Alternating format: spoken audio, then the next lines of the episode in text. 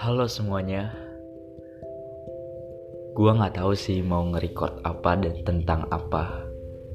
Yang pasti gue pengen curahin semua yang ada di hati gue. BTW gue laki-laki ya. Emang sih udah kedengeran dari suaranya. Di podcast ini gue cuman pengen ngungkapin apa yang ada di perasaan gue tentang seorang wanita sih ya walaupun gue gak bisa nyebutin itu secara terang-terangan.